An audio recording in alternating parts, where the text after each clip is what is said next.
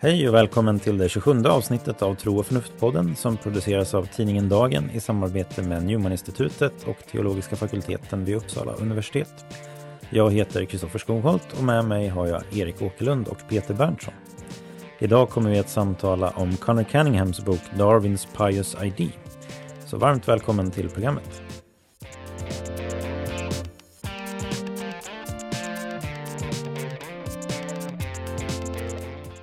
Ja, välkomna till det 27 avsnittet av Tro och förnuft-podden som är det sista för terminen och också det sista som vi producerar i samarbete med Dagen. Till hösten kommer Tro och förnuft-podden istället att produceras i samarbete med Sändaren och eh, vi har redan nu en sida dit man kan gå och eh, kolla. Och det är www.sandaren.se tro och förnuft. Idag ska vi alltså prata om Connor Cunninghams bok Darwins Pious ID Why both the ultra-Darwinists and creationists get it wrong. Och som namnet antyder så är det en bok som handlar om evolutionsteorin och hur man teologiskt kan förhålla sig till den. Den underliggande tesen i Cunninghams bok är att de som han kallar för ultradarwinister som Richard Dawkins och Daniel Dennett och kreationister har samma syn på materien men bara olika uppfattningar om det finns något mer än materia. De är överens om att det materiella är oandligt. Båda hatar materien som Cunningham säger. I kontrast till denna förståelse vill Cunningham presentera en alternativ läsning av naturen och evolutionen. Om naturen och evolutionen kan ge upphov till liv, medvetande, kunskap, estetisk skönhet och kärlek så är materien inte bara vad vi menar med materiell. Materien är andlig, åtminstone potentiellt. Detta leder till en mer sakramental världsbild där det andliga och det materiella inte spelas ut mot varandra eller betraktas som dikotomier utan istället visar sig vara två sidor av samma mynt. Detta är Darwins fromma idé som kommer att forma vår diskussion idag om teologi och evolution. Och vi har tänkt att dela upp samtalet i tre delar. Så i den första delen så diskuterar vi Cunninghams kritik av ultradarwinism och av kreationism. Och I den andra delen så försöker vi gå in lite mer på vad som är hans egen skapelse, teologiska vision. Och utifrån det också går vi vidare och, och reflekterar eh, lite mer eget så att säga utifrån hur man kan tänka kring teologi och evolution. Var det en hyfsat rimlig beskrivning av det var det. Vi kunde mm. väl prata lite i slut också om vad det egentligen får för praktiska konsekvenser. För man kan ju röra sig uppe på ett teoretiskt plan, men någonstans så måste det kopplas också till mm. praktik, både mm. i, egna livet och i, i kyrkan. Mm. Nej, precis. För det, oavsett så att säga hur man ser på evolutionen så är det ju svårt att, att förneka att det är en en ganska stor förändring av vår världsbild ändå som, som skett under de sista 200 åren och eh, det behöver ju också teologin förhålla sig till. Mm. Ja, vi ska strax börja dra lite i Cunninghams kritik av ultradarwinism och kreationism, men vi kanske ska nämna också att inför det här avsnittet så har vi gjort så att jag och Erik har läst boken och du Peter får vara lite mer lyssnarens röst eller liksom så som ställer frågor till oss ifall vi svävar iväg i obegriplighet. Ja, egenskap av någon som kanske inte grävt tidigare heller lika djupt i det här så tänker jag mig att jag får uh, vara uh, man on the street i det här sammanhanget tror jag. Mm, precis. Men det som, det som Cunningham menar då med ultradarwinism då det är ju bland annat att man gör evolutionsteorin till en första filosofi kan man säga. Det är liksom den som blir förklarande för allting. Och, och, man lägger så att säga ett och samma evolutionsbiologiska raster på hela tillvaron och tänker sig att den kan förklara allting. Och i kontrast till det så säger han ju att man kan också tänka sig en dualism där man så att säga tänker sig då att den mänskliga livet och den mänskliga kulturen har liksom ingen koppling till biologin eller den evolutionära bakgrunden. Och han, Cunningham avvisar båda de varianterna och, förespråkar då vad han liksom en mer så att säga då, analog förståelse, att det finns likheter på olika nivåer i universum men också skillnader. Så de är inte reducerbara till varandra. Mm. Och eh, Genomgående kan man ju också säga att en av hans poänger är att det är inte så att vi eh, ska förstå människan som att hon egentligen är och så gå neråt liksom i, i eh, naturens hierarki till primater eller till däggdjur eller kanske ännu längre då till, till fysiken och sådär. Utan snarare är det så att eh, kosmos har en kapacitet för medvetande, liv, kunskap och kärlek och så. Och då i en mening så blir liksom människan som förklarar eh, materien och inte materien som förklarar människan. Mm. Så att säga. Så det är ju en kritik han har av ultradarwinismen då. Men, han, men kreationisterna de drabbas på ett sätt av en liknande kritik för de menar Cunningham har liksom samma grundförståelse av att naturen eller materien är liksom död materia som är den här mekanistiska världsbilden då så att säga. Mm. Mm. Han menar ju, man kallar ju ibland ultradarwinism för naturalism, ibland pratar han om, eh, eh, om materialism och så vidare och menar att det här egentligen är eh, olika namn på, på samma fenomen. Och precis som du sa där Kristoffer, så tänker han sig att grunden för att ens kunna behandla materien på det här sättet som någonting helt dött och livlöst är egentligen dualismen. Alltså att du drar isär, som Descartes gjorde då, drar isär det tänkande eller det andliga å ena sidan och materia å den andra. Det, det materialisterna gör är att helt enkelt förneka eller ta bort det där andliga Mm. Men egentligen finns det en väldigt, väldigt stark släktskap då mellan någon form av dualism. Eh, att sätta upp det andliga mot det materiella å ena sidan och då eh, ren materialism där man bara har det ena. För ja. Det är en förutsättning eh, för det. Liksom. Jag hann ju läsa Ron Williams recension av den här boken där han eh, ja, men lägger en slags bakgrund. Och han, jag tyckte det var intressant hur han nämnde där, liksom, vad han tror är motivationen till den här dualismen. så Att säga. Att det finns en slags stark vilja till det här med reduktionism eller liksom att få ner allting till minsta beståndsdel och bara det. Eh, att eh, man vill renodla vetenskapen för att eh, liksom hålla en, ett så klart fält som möjligt mm. till teologin. Att, för att det på olika sätt räds man den här man vill aldrig falla tillbaka i någon slags dominant hegemonisk position för kyrkan där man tänker sig. Det finns ju alltid den här fiendebilden av kyrkan som eh, ska bestämma över vetenskapen och trycka ner det fria tänkandet. Mm.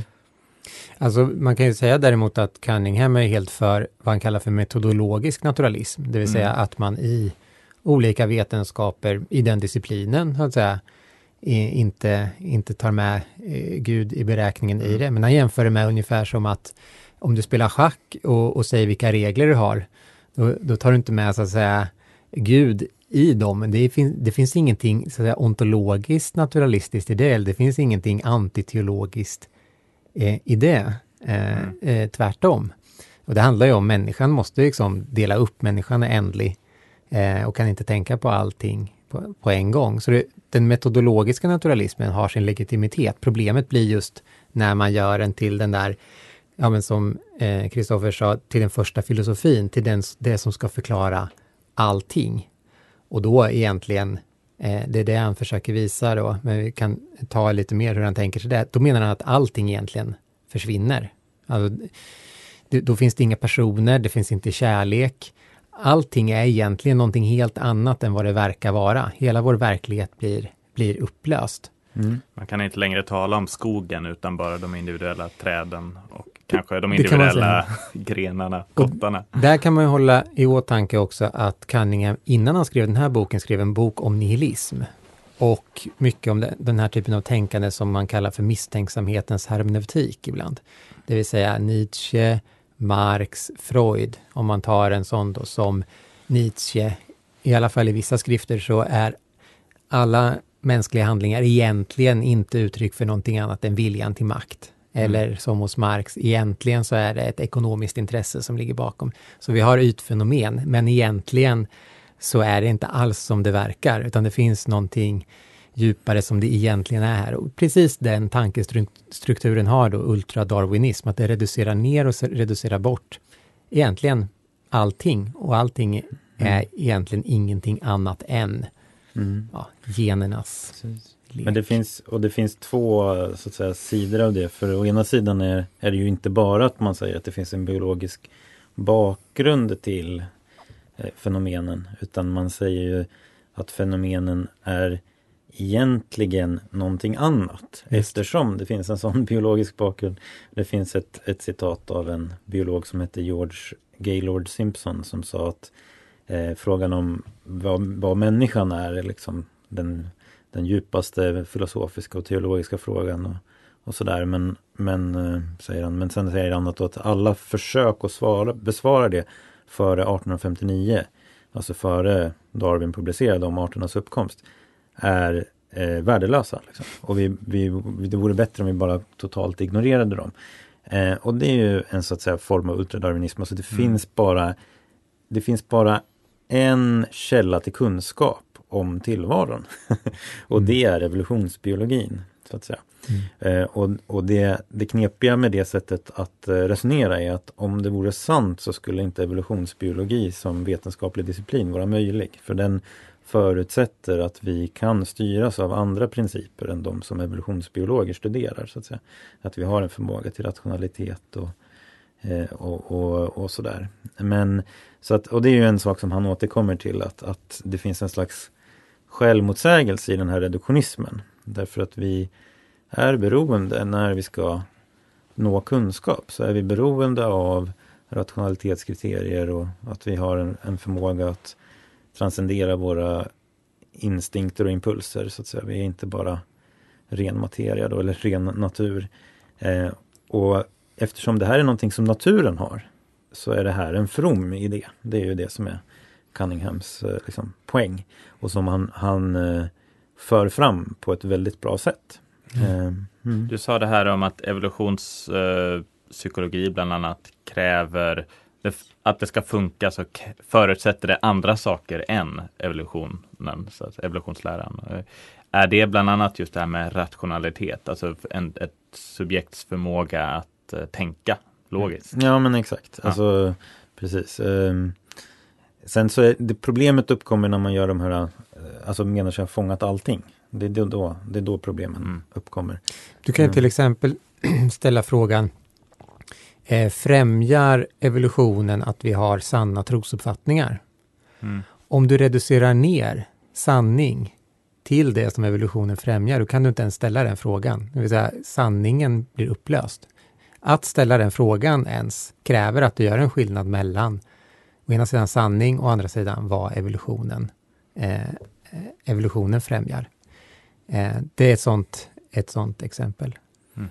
Men om man ska... Eh, Bara förlåt, mm. men man skulle kunna liksom fördjupa det med, genom att säga att eh, rationaliteten innebär att det finns en annan typ av kausalitet i mm. tillvaron.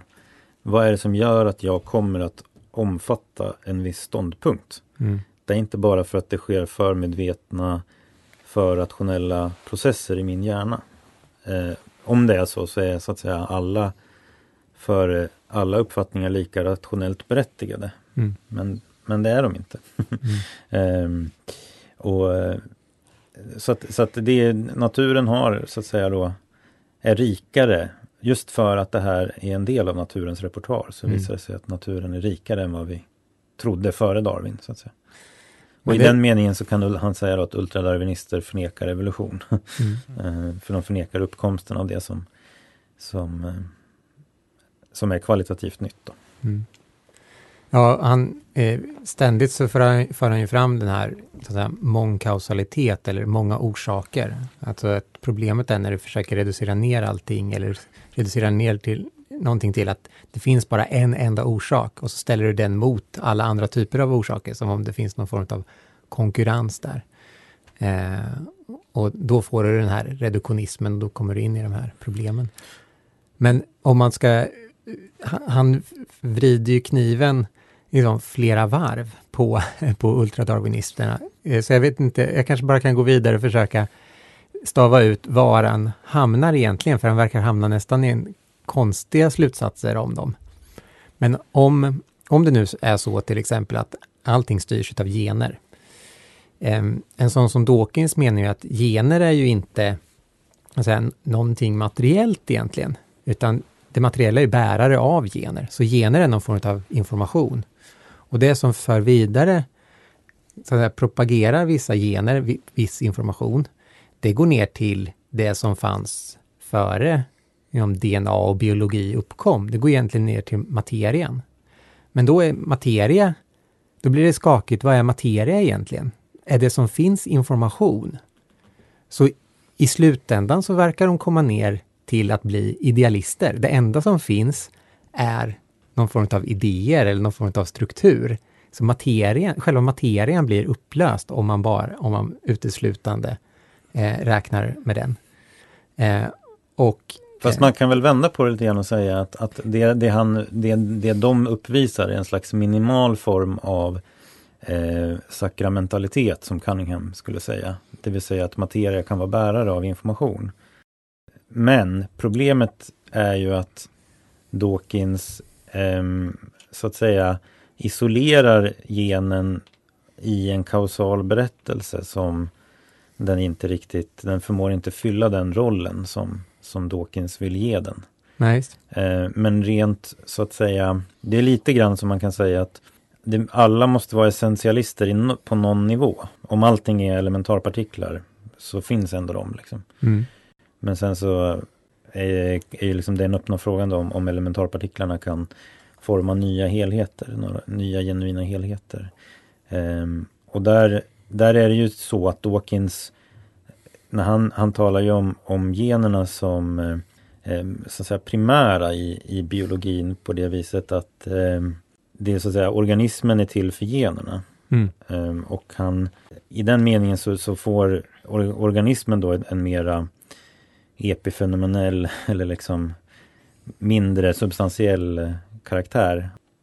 Alltså på ett sätt så kan man ju säga att just för att han gör den här äh, distinktionen mellan materian och den information som förmedlas genom materian så finns det någon slags minimal sakramentalitet i, i det perspektivet. Men det stannar där. Eh, och han har ju också en tendens att göra, han vill ju, Dawkins vill ju liksom på något sätt använda genen som motsvarigheten till en atom i Newtonsk fysik. Alltså det är den minsta byggstenen som sen bygger upp allting på ett med en additativ logik så att säga. Mm. Um, och där är ju Cunninghams poäng att biologin är mycket mera eh, dynamisk och interaktionsmässig så att säga. Mm. Och att det, det finns någonting väldigt artificiellt att eh, behandla genen på det sättet. Och ett av argumenten som, som Cunningham för fram är liksom att en och samma eh, genetiska material, ett och samma genetiska material kan ha ganska olika fenotypiska alltså organismeffekter beroende på både den genetiska kontexten och kontexten för organismen. så att mm. säga. Och, och där, det är ju liksom en hel del av, av Cunninghams bok är ändå så att säga inom biologisk diskussion. Mm. Det är intressant att, att um, den är inte på det viset alls begränsad till att liksom prata om teologi och biologi utan det är ganska mycket biologi och biologi. Mm. så att säga. Mm. När ni har beskrivit boken för mig så har jag inte hört så mycket om teologiska argument alls utan de verkar komma lite vid sidan av eller på mm. slutet. Mm, de är lite insmygna lite här och där. Ja. Men ett, ett begrepp som man använder ganska ofta och som också kastar ljus lite på hur han ser på evolutionen det är ju begreppet transsubstantiation. Mm. Alltså han, eh, som ju används för att, att liksom beskriva förvandlingen av brödet och vinet i nattvarden och så. Eh, det är liksom det han ser som ett mönster i naturen. Naturen förvandlas hela tiden. Mm. Visst är han katolik? För det är ju ett katolskt ja, jo, eh, perspektiv. Inte mm. Det kan också vara bra att bara poängtera att han ju dessutom eh, påpekade att vi inte rör oss med Newtonsk fysik idag. Så det är till och med så att man försöker modellera biologin då eh, inom den här ultradarwinismen på en typ av fysik som, som blev obsolet, eller som i alla fall ersattes av eh, nyare former av fysik för, för över hundra år sedan. Mm. Eh, där den nyare formen, det ingår mycket mer utav interaktivitet och observatörsberoende och så vidare. Eh, utan att, att fördjupa oss i det, så, så är det också en, en mm. kritik han förstås också tar upp. Man utgår från ett väldigt gammaldags eller förlegat vetenskapligt paradigm när man försöker att utveckla den här mm. eh, ultradarwinistiska supervetenskapen. Liksom. Mm. På vilket sätt är eh, kreationisterna, alltså som det står i eh, under rubriken till boken, på vilket sätt finns det en likhet mellan ultradarwinister och kreationister? Jag skulle, om jag bara kan börja säga någonting så är det för det första så att han går mycket mer noggrant igenom ultradarwinism än kreationism. Men en, en sak de delar är ju en sorts eh, eh scientistisk, alltså vetenskapstroende eh, förutsättning. För att tänka sig att det ska finnas en legitimitet inom teologi så måste den någonstans bli eller vara en vetenskap. Och det utgår från ett väldigt modernistiskt paradigm om att det bara inom vetenskapen eller till och med bara inom naturvetenskapen eller de empiriska vetenskaperna, science, som, som man hittar sanning. Så det är ju ett sätt. Och sen har man ju också en ganska platt syn på naturen. Eh, precis som, som ultradarwinisterna då. Den, den är, och det är väl en, och att ja, någonting är antingen naturligt eller gudomligt. Det kan, det kan ju inte vara så att jag hade faktiskt en diskussion med en kreationist nyligen som sa att Gud inte har skapat några människor efter Adam och Eva. För de var de enda Gud skapade så att säga ur intet. Eh, och det är ju ett uttryck för att liksom, ja, det är naturen eh, eller Gud, inte Gud genom naturen. Så man delar den konfliktsynen mellan ultradarwinister och kreationister. Men mm. förstås eh, tar då eh, spegelvända. Ja, ett sådant påstående skulle göra väldigt mycket av kristen teologi och lovsång väldigt svår. Så här, jag är inte skapad av Gud, men eh, min men Adam är ju min lång forntida förfader och han var ju skapad av Gud. Mm, just det. Nej, visst. Sen går han väl in mycket på det indirekt egentligen i slutet av boken på det sättet att han går tillbaks till att förmedla alltså, kyrkofädernas sätt att läsa skriften. Eh, och vad han pläderar för är så att säga, det traditionella sättet att läsa, eh, läsa Bibeln på. Men det kan vi komma in på lite senare här sen.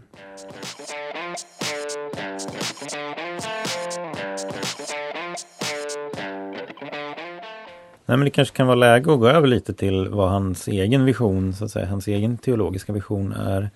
Och det är några saker som kommer, jag kommer att tänka på sådär omedelbart. Och en, en sån sak är ju att han vill hålla ihop skapelse, fall och frälsning eh, som delar av ett och samma skeende. Eh, så att, att människan är fallen är ett uttryck för att hon inte har nått sin, eh, sin potential eller sin, sin, sitt mål. Synd betyder ju på grekiska att missa målet och sådär så att det är ju inte en orimlig läsning men, men istället för att göra liksom fall till en händelse som får Gud att komma på att han ska frälsa världen så är det snarare så att eh, frälsningen är så att säga skapelsens fullbordan. Eh, så. Det är väl en ganska central del i hans vision. Ja, och i det så är, ligger det att eh, skapelsen har enorma eh, liksom en enorm potentialitet och det är först i takt med att den utvecklas som vi ser hur stor den är.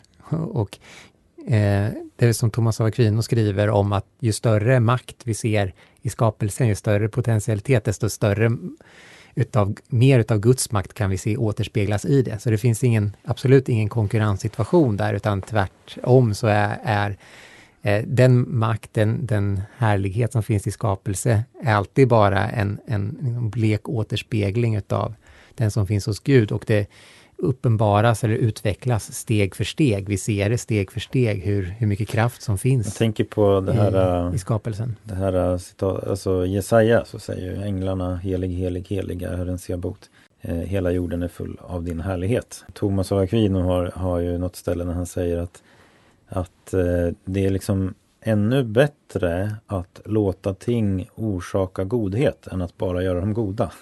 Mm. och Gud, Gud är som en lärare som ger sina elever inte bara kunskap utan också en förmåga att lära andra. Så natur, att naturen har den här kreativa kapaciteten är ett uttryck för att det är en stor och eh, förunderlig skapelse då, så att säga. Det gör också att det är berättigat att på ett sätt läsa skeenden bakifrån, alltså eh, eller framifrån, från framtiden och bakåt. Alltså om man tittar på en del vetenskap, evolutionspsykologi till exempel, så tittar man ju helt berättigat på eh, vad, hur uppkom det här beteendet, vad var det som ledde fram till det? Men det är också så att när vi ser vad en människa är eller kan bli, så vet vi någonting mer om det som ledde fram till det. Ah, det fanns den här, de här möjligheterna i det, det fanns den här potentialiteten i det. Så det är så att säga, i människan så, så ser vi också mer utav, eh, mer utav det djuriska, det vill säga djurformerna eller vad det är att vara ett djur blir större. Inte så att människan reduceras ner till det, men att det fullkomnas och tas upp i en högre mm. enhet, en högre helhet som gör att vi, vi, vi ser mer utav vad som, vad som redan fanns där. När vi pratar om det här så kommer jag att tänka på att det finns ju en diskussion i de tidiga kyrkofäderna, Gregorius av Nyssa och eh, under Maximus bekännaren och några till. Alltså där de ställer sig frågan helt enkelt, hade Gud valt att inkarneras även om människan inte hade fallit. De arbetar ju såklart med den klassiska eh, kronologiska synen på skapelse, fall, frälsning så att säga. Men då med medvetenheten om hur, vilket stort under det är att Gud har blivit människa och att det är någonting som fullkomnas i det. Så, så är det vissa som inte kommer ifrån att okej, okay, om vi tänker oss att, att eh, det inte hade blivit så här med fallet, liksom, hade inte Gud ändå valt att fullkomna sig på det här sättet? Eh, men att eh, jag tänker Fullkomna att, naturen menar du? Ja, fullkomna mm, naturen. För du sa fullkomna sig. ja. ja. Mm. precis. nej, men alltså att det finns ja. en slags diskussion mm. där om att just um, det har med, med det härliga i att låta en skapelse det är som att en förälder liksom eh, gömmer sig för sitt barn och låter barnet hitta tillbaka till, till sin förälder. Att det finns någonting i den där, eh, i, i kärleken där och att springa till. Eh, det är ju mm. visionen i, i, hos många av fäderna. Eh, just att skapelsens kallelse är att söka sig närmare och närmare Gud. Eh, att, att växa mot Gud mm. för evigt. Och eftersom Gud är evig så kommer det kanske ta en evighet för oss. Men att det finns ändå en, en, en härlighet i det eh, växandet. Mm. mm. Jo, han tar ju upp det ganska mycket, den där frågan om och, och Cunningham alltså, och ställer sig ju så att säga då tydligt på, på den sidan som, som så att säga tänker att inkarnationen är inte en B-plan så att mm. säga utan det är snarare A-planen. Um, Gud visste att människan, men Gud visste också så att säga att människan skulle synder mm. och så. Men, eh, men och det är ja, inte så förvånande så att säga. Jag kommer att tänka på en tidigare mm. eh, bok vi, vi läste, Ratzingers introduktion till kristendomen, där han argumenterade mycket för att hålla ihop eh, inkarnation och kors, eller liksom det johanneiska och det paulinska. Och att det är ett och samma skeende. Jag tycker det är liknande här, fast här på en mer kosmisk skala. Att det, det är bara om vi håller ihop det och ser ser det någonstans som ett, och sam, ett skeende, ett stort skeende.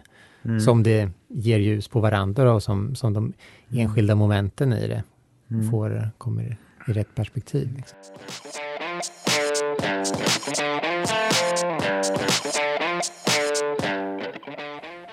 Jag skulle vilja ta upp en sak här som eh, gäller så att säga, alltså Cunninghams vision är ju att det är egentligen så att medvetandet förklarar eller avslöjar materien än att vi förstår vad medvetande är genom mm. att kolla på elementarpartiklar så att säga. Mm. Så förstår vi dem snarare elementarpartiklar genom att kolla på medvetande och så. Mm. Och det där är ju i en mening så att säga en hermeneutisk fråga, alltså en tolkningsfråga vad man låter vara primärt. Det finns absolut argument för varför medvetande inte är reducerbart. Alltså rationaliteten är en förutsättning för att vi alls ska kunna forma någon naturvetenskap och därför kan vi inte reducera bort det som är så att säga, förutsättningen för att bedriva naturvetenskap och så. Men det som jag vill komma åt lite grann är att det kan vara så att för, för vetenskapliga eller filosofiska så att säga attityder eller temperament påverkar hur man beskriver världen och naturen och sådär utifrån samma empiriska material. Mm. Och det är en anledning till varför det är viktigt att människor, ja, ur, ur en kristen synvinkel så är det viktigt att människor med så säga, en teologisk sensibilitet engagerar sig i naturvetenskap och i filosofi och, och liksom filosofins biologi och alla sådana här saker. För att annars så får vi ett kulturellt klimat där det förmedlas och traderas en bild av naturen som, eh, som till exempel mekanistisk och eh, eh, så när det inte är så att säga fullt ut motiverat av det Mm. vetenskapliga materialet. Men jag kan uppleva att det samtidigt finns en tröskel för många kristna att gå in i den typen av brottningar med vetenskap eller liksom för att det finns, just för att det finns en berättelse redan som skaver. Mm. Eh, jag vet inte hur ni, vad ni tänker om, om den synpunkten.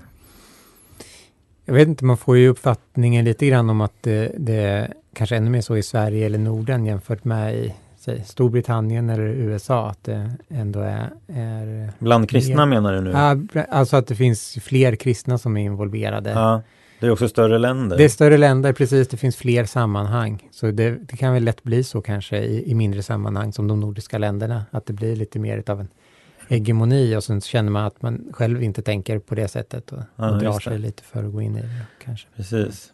Men då uppstår ofta den här liksom, eh, vad ska man säga, ja ja, så, så säger vetenskapen men jag har trons perspektiv på något sätt som blir en dualism då. Mm. Som, som, eh, Jo, men därav vikten av att odla eh, sammanhang där man, mm. där man eh, reflekterar kring det på, på det Mm. sättet. Alltså han citerar ju Simon Conway Morrison, en brittisk biolog som säger att Evolution may be a fact but it's a fact that's in need of constant interpretation. Mm. Och i den tolkningsprocessen så kommer så att säga filosofiska temperament att spela roll. Om man har en så att säga reduktionistisk sensibilitet så kommer man att läsa naturen på ett visst sätt. Sen är det klart att det, det, skillnaden inom, inom filosofi till exempel behöver ju inte gå vid eh, konfessionsgränser. Det kan ju finnas Nej. både ateister och kristna som är nominalister till exempel, det vill säga Mm. tror att allt som finns egentligen är bara, Mm. mm, bara enskilda ting. Mm. Medan det finns både eh, kristna och ateister som är realister vad gäller universalia, alltså att allmänbegrepp har verklig status. Så man får inte heller eh, förutsätta för mycket, eh, tror jag där, utan gå in med en viss öppenhet och helt enkelt ta, ta ställning till de olika filosofiska frågorna. Om jag har förstått rätt så är väl Cunningham pekar väl på flera, i alla fall agnostiska om inte ateistiska forskare som, tal, som håller med honom i det här behovet av att se helhetsperspektiv snarare än Mm. atomistiskt. Mm. Eh, och att det är just eh, att det här inte per definition är ett projekt som bara kristna kan hålla på med eller håller på med. Mm. Nej, det är absolut helt sant. Men jag tror samtidigt att det finns eh, det, att det vore lite olyckligt om om eh, den här, det här skavet gör att man inte att man drar sig från att gå in i Alltså för kristna kan du skava så att säga. Mm. Ehm, för ibland kan ju ens förvetenskapliga perspektiv göra att man ser saker som andra inte ser.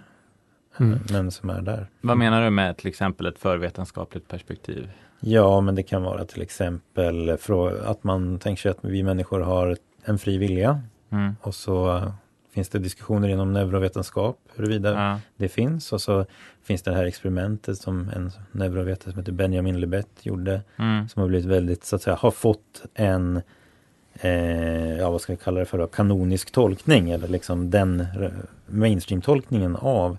Men det finns jättemycket eh, experiment och hans egna reflektioner kring sitt eget experiment och så här som inte, inte pekar på att de, det har de implikationerna som folk har tagit av experimentet. Är det det här experimentet som är typ att man kan se på en eh, liksom i hjärnan att Mm. typ eh, om jag bestämmer mig för att lyfta armen så tas Ja. det beslutet före jag upplever att jag Så får här, den. jag kan berätta. Eh, Så man har fått titta på en klocka på en skärm som går runt. Mm. Som, och så ska man kolla på den klockan och så ska man försöka att kolla på var visaren var när man fick impulsen att eh, lyfta fingret. Mm. Och då har man sett att det sker ja, men, ett antal hundra millisekunder före den där impulsen så sker en förhöjd hjärnaktivitet i en viss del av hjärnan. Eh, och den kallade man för beredskapspotential. Alltså det, det, det har då, vissa har det tolkats som att det här är beslutet som har fattats. Men det finns ingenting som, som Mm. säger att det är så. Och det var inte så man från början förstod det heller. Utan det, det, det, den, den ursprungliga tolkningen var att man har en beredskap att flytta. Och det är därför det kallas för beredskapspotential. Mm. Och man har sett samma typ av beredskapshöjning av beredskapseffekten i ett annat experiment där du inte får du får inte flytta din hand innan ett visst stimuli har kommit. Men man ser ändå den här hjärnaktiviteten innan stimulit har kommit och det betyder att den där hjärnaktiviteten kan inte vara ett tecken på att du har mm. beslutat dig för att lyfta din, ditt finger. Men, men de där experimenten får så att säga inget genomslag i den kulturella miljön för de, de går inte in i den här ramberättelsen som Nej, är som reduktionistisk. Ja, mm. Den hegemon, hegemon, alltså empirin tillåts inte utmana ideologin här då. Så mm. Nej, min eh, filosofilärare på gymnasiet eh, beskrev ett annat experiment just som ett bevis på varför frivilliga inte finns. Mm. Eh, just i stil med det där med att man kunde mäta eh, den tolkningen som du gav mm. uttryck för. Det. Mm. Mm. Så att, eh, ja, nej, men det finns ju definitivt och det en finns, berättelse. Och det finns, det finns ett fantastiskt, vad heter det, föredrag av Rowan Williams när han ställer frågan så här, vad kommer den här, where, vad kommer den här passionen för att reducera ifrån? Vad kommer den så här? Och då, och då så säger han, han, han citerar Wittgenstein som, som tydligen skrev i ett brev då att det, it is charming to destroy prejudice. Alltså man känner sig lite, det finns något tillfredsställande i att så att säga motbevisa en, en uh, föreställning som mm. finns i kulturen då. Mm. Men Om frivilliga till exempel? Exakt, mm. exakt. Och så så kan man eh, ta på ett litet eh, överlägset leende och säga att jag vet att vi inte har någon frivilliga då. Mm. Eh, men eh, Nej men det blir någon slags partytricksfilosofi. Man säger lite lätt provocerande saker men man drar inte konsekvenserna av de här påståendena då och om man nu verkligen skulle hävda att allt vi tänker är liksom bestämt av förmedvetna processer som vi inte har någon medveten kontroll över så faller liksom hela rationaliteten som ändå förutsätter att vi tänker saker i kraft av logiska relationer ibland och inte bara på grund av elektriska eh, relationer eller vad man ska kalla det för. Men Precis. apropå din mm. tidigare fråga där så är det ju slående att under den tidiga upplysningen eller strax före, då var ju sådana som Newton till exempel var ju själv en djupt teologisk tänkare. Eh, och Eh, att många har liksom historiskt under medeltiden och eh, tidig modern tid kombinerat det vetenskapliga och det eh, teologiska intresset av att försöka hitta en naturfilosofi som där allting går samman. Men att det är så tydligt. Nu har vi ett, ett kontrakt på något sätt i västvärlden att man får aldrig, aldrig kombinera de här två tankesätten på något plan. Ens, alltså ett filosofiskt och ett, om det inte är reduktionism. Mm.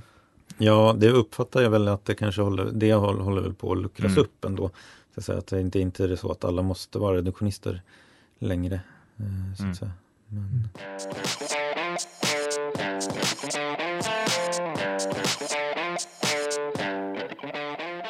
Ska vi gå vidare och tänka lite vidare utifrån vad som ändå skulle kunna sägas vara konsekvenserna av eh, att liksom integrera evolutionen i sitt teologiska perspektiv och i sitt tänkande.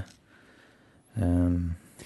Men jag skulle också gå över till det, men, men eh, ta de här konsekvenserna från en, en lite annan eh, synvinkel i anslutning till det du sa sist där.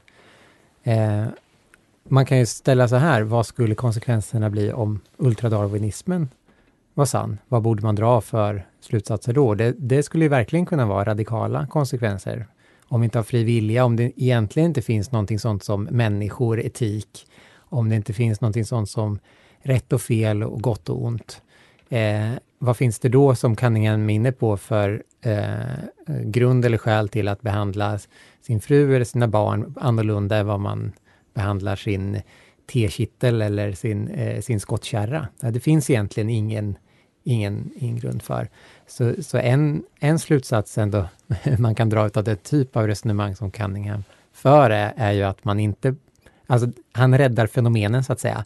Den alldagliga, vardagliga världen vi lever i eh, är vi berättigade att, att utgå från och vi kan ta saker och ting mer så som de mer ytligt ser ut, at face value som man säger på, på engelska, det vill säga det, det lurar oss inte, vilket hade varit fallet om, om ultradarwinismen hade stämt. Um, vi citerar han Chesterton med There's no such thing as a thing. Uh, i, alltså att världen vi i common sense mening upplever är inte den materialistiska fysikalistiska världen utan det är en, värld full av objekt, av personer, av relationer, av eh, en massa saker som är väldigt svårt att förklara med en, med eh, en fysikalistisk eller mm. atomistisk mm. världsbild. Visst. Och på det sättet så är också våra samhällen och den etik vi har väldigt formade av eh, kristen tro, kristna perspektiv, förutom av common sense perspektiv och så vidare. Så i en mening, även om det inte riktigt kanske var den eh, eh slutsats du var eh, ute efter där, så, så är väl någon så att säga, praktisk konsekvens man kan dra om man ställer hans syn gentemot ultradarwinism, att, att ändå relativt sett lite förändras på det sättet. Mm. Men jag tänker hur, hur kyrkan tänker och talar om mm. skapelse och frälsning får ju, eller bör få vissa, få, det bör få vissa konsekvenser för det. Om, om, om så att säga Guds mål är liksom skapelsens fullbordan och då är, då är det en mera sömlös process. Eh, istället för att eh, och, och, och frälsning blir inte så att säga primärt en juridisk kategori. Mm. Utan den blir snarare en ontologisk mm. kategori. Mm. Alltså det handlar med att varat når sin blomstring. Jag tror att det, är jättebra om teologi kan influeras och inspireras av det sättet, precis på det sätt som Cunningham stavar ut här. Liksom. Mm. Eh, eh, Guds skaparkraft som liksom uppenbarar sig i, mm. i själva mm. skapelsen. Samtidigt får ju inte teologin gifta sig med en tidsvetenskap heller, vilket vi kan se på you den newtonska fysiken eller andra vetenskapliga discipliner som kanske såg ut att vara som att de skulle gälla för evigt. Eh, så det är viktigt åt andra hållet att inte gifta sig med en tolkning eller en tids eh, en tid där vetenskapen eh, står. Nej. Men jag vet inte det... om ni hade andra reflektioner just med du sa det här om att inte ett juridiskt perspektiv på frälsningen till exempel funkar med en, eh, en evolutionärt eh, medveten teologi. Eh, varför inte? Den, jag skulle säga att den är inte så hjälpsam. Därför att den är också, alltså han, han, han använder sig en del av Irenaeus som ju tänkte sig att Adam och Eva var omogna som barn liksom och som var ganska lätt hade lätt eh, för att falla så att säga eller frestas och så. Och jag brukar tänka om det är så att vi skulle använda till exempel ett, ett utpräglat juridiskt perspektiv på i våran barnuppfostran till exempel och säga nu har inte vi innan, du, innan vi har skött juridiken så kommer inte vi ha någon relation med varandra. Det är ett ganska absurt sätt att förhålla sig till sina barn. Så att säga. Och om det är så att mänskligheten är på en process av mognad och är svag så att säga så blir, så blir det märkligt att anlägga det perspektivet. Utan snarare måste det ju vara att Gud är mer en pedagog och en läkare skulle jag säga. Ja, alltså det finns ju många som har gjort kreativa omtolkningar av, av uh, Genesis 3 av den anledningen utkastandet ur Eden. Liksom att mm. Många fäster Många tänker till exempel att det är just lagbrottet, eh, att man åt av den förbjudna frukten som är den stora anledningen till utkastandet. Men att det kanske finns lite något senare i det som händer, det som, de relationer som bryts i samband med det där, som istället leder till det hastiga utkastandet. Det, det väldigt radikala utkastandet. Eh, mm. Men det är ju så att säga, det kräver ju en ganska eh, att man zoomar ut lite från en sån berättelse för att förstå på vilket sätt den här berättelsen kan, kan läsas på ett annat sätt. För det är ju många som fastnar just vid till exempel det som Adam och Eva och utkasten ut ur Eden som en, att det ger ett väldigt tydligt paradigm på en juridisk eh, eh, liksom lagbrott, eh, straff och det leder till syndafall. Och man måste nog tänka om de här berättelserna ganska mycket. Eh, och det är många som fastnar där tror jag i, mm. i att man känner att det här skaver med eh, Men, exakt, och det är ytterligare, det är en annan aspekt av det här skavandet. Där mm. jag menar att vi måste, vi ska inte vara rädda för, för det som skaver, utan vi måste mm. gå in i det. Franciscus, påven, alltså påven Franciscus hade, har något uttalande där han säger att teologisk reflektion behöver äga rum vid fronten. Mm. Så, så här, inte inne i laboratorier. Och, och, för mig finns det någonting i det av att inte, alltså vi skulle, det är ett sätt som man kan liksom bortse från evolutionen för det verkar skava med en given läsning. Mm. Men jag menar att vi har så att säga ett moralisk förpliktelse att försöka närma oss sanningen. Och då är skavandet så att säga, det, att det är jobbigt kan man snarare förstå som en form av askes tänker jag. Snarare någonting, någonting ofromt eller så. Men, mm. Mm. Ja, men i, i det här perspektivet så blir det väldigt eh, samstämmigt med en traditionell eh, förståelse av målet eh, för människan och för skapelsen, gudomliggörandet. Mm. Alltså en, mm. en, en utvecklingsprocess, en förändringsprocess och en förvandlingsprocess. Eh, Återigen kan man ju säga att... in eh, i det och att, och att det är så att säga ett, om man har det som ett dominerande perspektiv i förståelsen av vad som sker här, en sorts nyckel för både, både Bibeln och kyrkan och hela, hela skeendet, så att säga, så är det klart att det, det rimmar väldigt väl med en eh, evolutionär förståelse av, av eh, kosmos och världen i stort. Alltså återigen handlar det om om man har tyngdpunkten i sin, sitt perspektiv bakåt eller framåt. Mm. En viss teologi har tyngdpunkten i sin den, den teologiska tolkningsnyckeln är fallet. Mm. så att säga.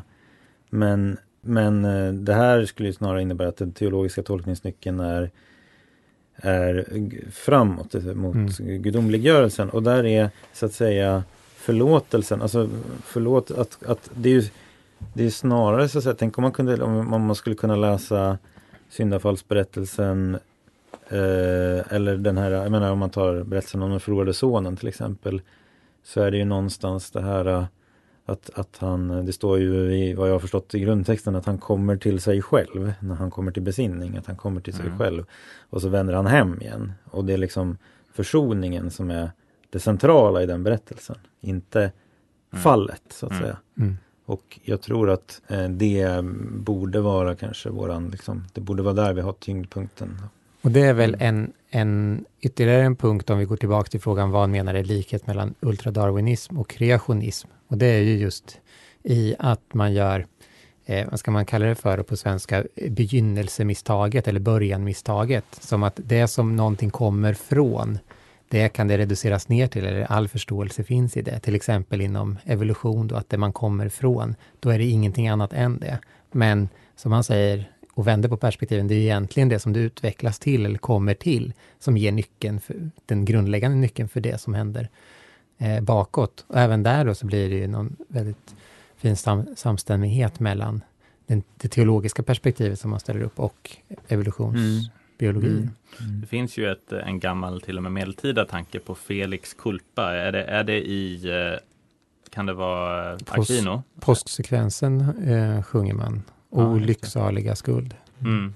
Men var den kommer ifrån från början? Ja. Nej, jag kan inte heller säga det. Jag har sjungit en låt i min kör också som handlar om det. Om att om inte Adam hade ätit av äpplet så hade inte eh, så hade inte människan fått den upphöjda position som hon kommer få genom, eh, genom försoningen, genom eh, ja, återlösningen mm. och eh, upphöjandet. Liksom. Och att det finns någonting där att därför så var det bra, så att säga. Det är, mm. det är väldigt provocerande för hur vi brukar tala om synden, så att säga. Mm. Som, alltså det kan låta som att man trivialiserar till slut mm. synden som någonting som bara är ett misstag på vägen mot något större. Och det, det kan ju få, apropå då praktiska konsekvenser, så kan man ju, man kan misstänka att det trivialiserar eh, ondskan eh, till slut när man, eh, när man bara ser det som ett, ett litet steg på vägen mot något större. För det är ju, om vi ser på mänsklighetens historia så är det ju inte riktigt som att vi ondskan var någonting för 3000 år sedan och nu har vi bara kommit ljusare och ljusare. Ja, man kan mm. ta det perspektivet, absolut. Men förstår ni vad jag menar med att det kan finnas något, en risk till trivialisering om man tar bara den tanken på att eh, synden var en bra grej.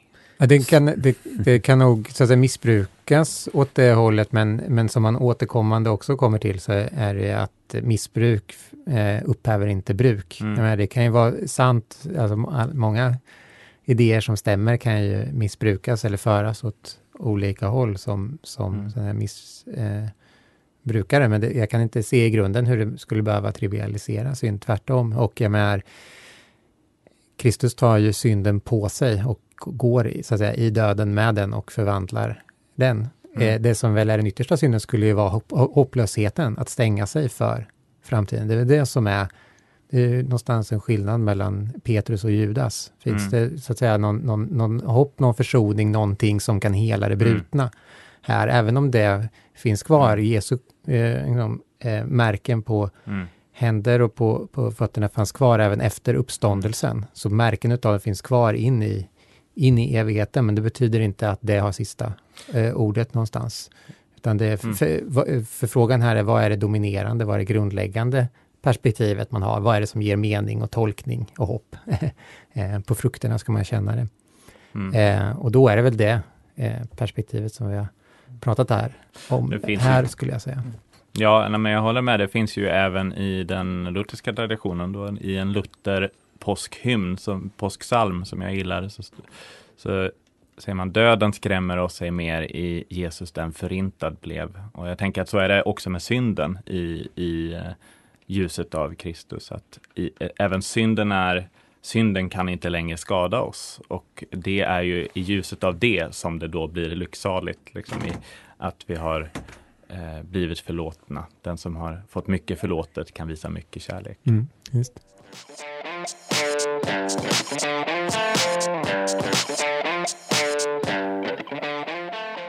Ja, nej men alltså även om det är sant att vi inte ska så att säga, gifta oss med samtidens vetenskap så finns det väl kanske vissa så grundläggande drag i den vetenskapliga världsbilden att det blir liksom, i så fall kan inte teologin relatera till våran verklighet om vi inte integrerar det. Och som jag inte heller tror kommer att revideras så att säga. Mm. Alltså att det finns en process i naturen och sådär. Ehm, för det kan ju också bli så att säga, en rationalisering i, till att inte ta in det. Mm. Ehm, men jag menar en sak som jag skulle tycka var intressant vore ju om man tar det på allvar att inte göra den här så att säga uppspaltningen mellan skapelse och frälsning så blir ju mycket mer av världen sakral eller sakramental och mm. att vi kan se det så att säga som ett teologiskt värde med egentligen allt sant, gott och skönt. Så att mm. säga. Och att det här med, alltså det, att man, man, det liksom att växa som människa och att växa som kristen blir inte riktigt olika saker. Nej. Det tycker jag, om man pratar just om vilka praktiska konsekvenser eller konsekvenser för vardagslivet eller hur man är, så tycker jag att det kan vara relevant att koppla till Joakim Elsanders bok, som på något sätt ger just uttryck för en, en vardagsfromhet eller en, en vardaglig fromhet som klingar väldigt väl, tycker jag, med den här typen utav, mm. av teologi. Att mm. se, se Gud i allt egentligen, eller att låta det genomsyra mm. eh, vardagen, eh, även i eh, barn som äter en banan eller en solstråle som, som eh, eh, faller in genom fönstret på ett visst sätt eller vad det nu är. Mm. Vi kanske behöver börja avrunda dagens samtal där då helt enkelt. Eh, vi kan ju länka lite grann eh, i beskrivningen av programmet till eh, bland annat Rowan Williams recension och, och till lite Youtube-material med Connor Cunningham och sådär. Eh, det är ju en väldigt rik bok som eh, eh, som rekommenderas varmt och som vi inte på något sätt har kunnat uttömma förstås men som, som vi hoppas att ni har fått en smak av vad den innehåller. En rik och en tjock bok. Ja, mm. precis. Exakt. Mm. Um, ja, men då säger vi tack för idag och uh, på återhörande i höst då. Tack. Tack, tack. Tack. Hej då.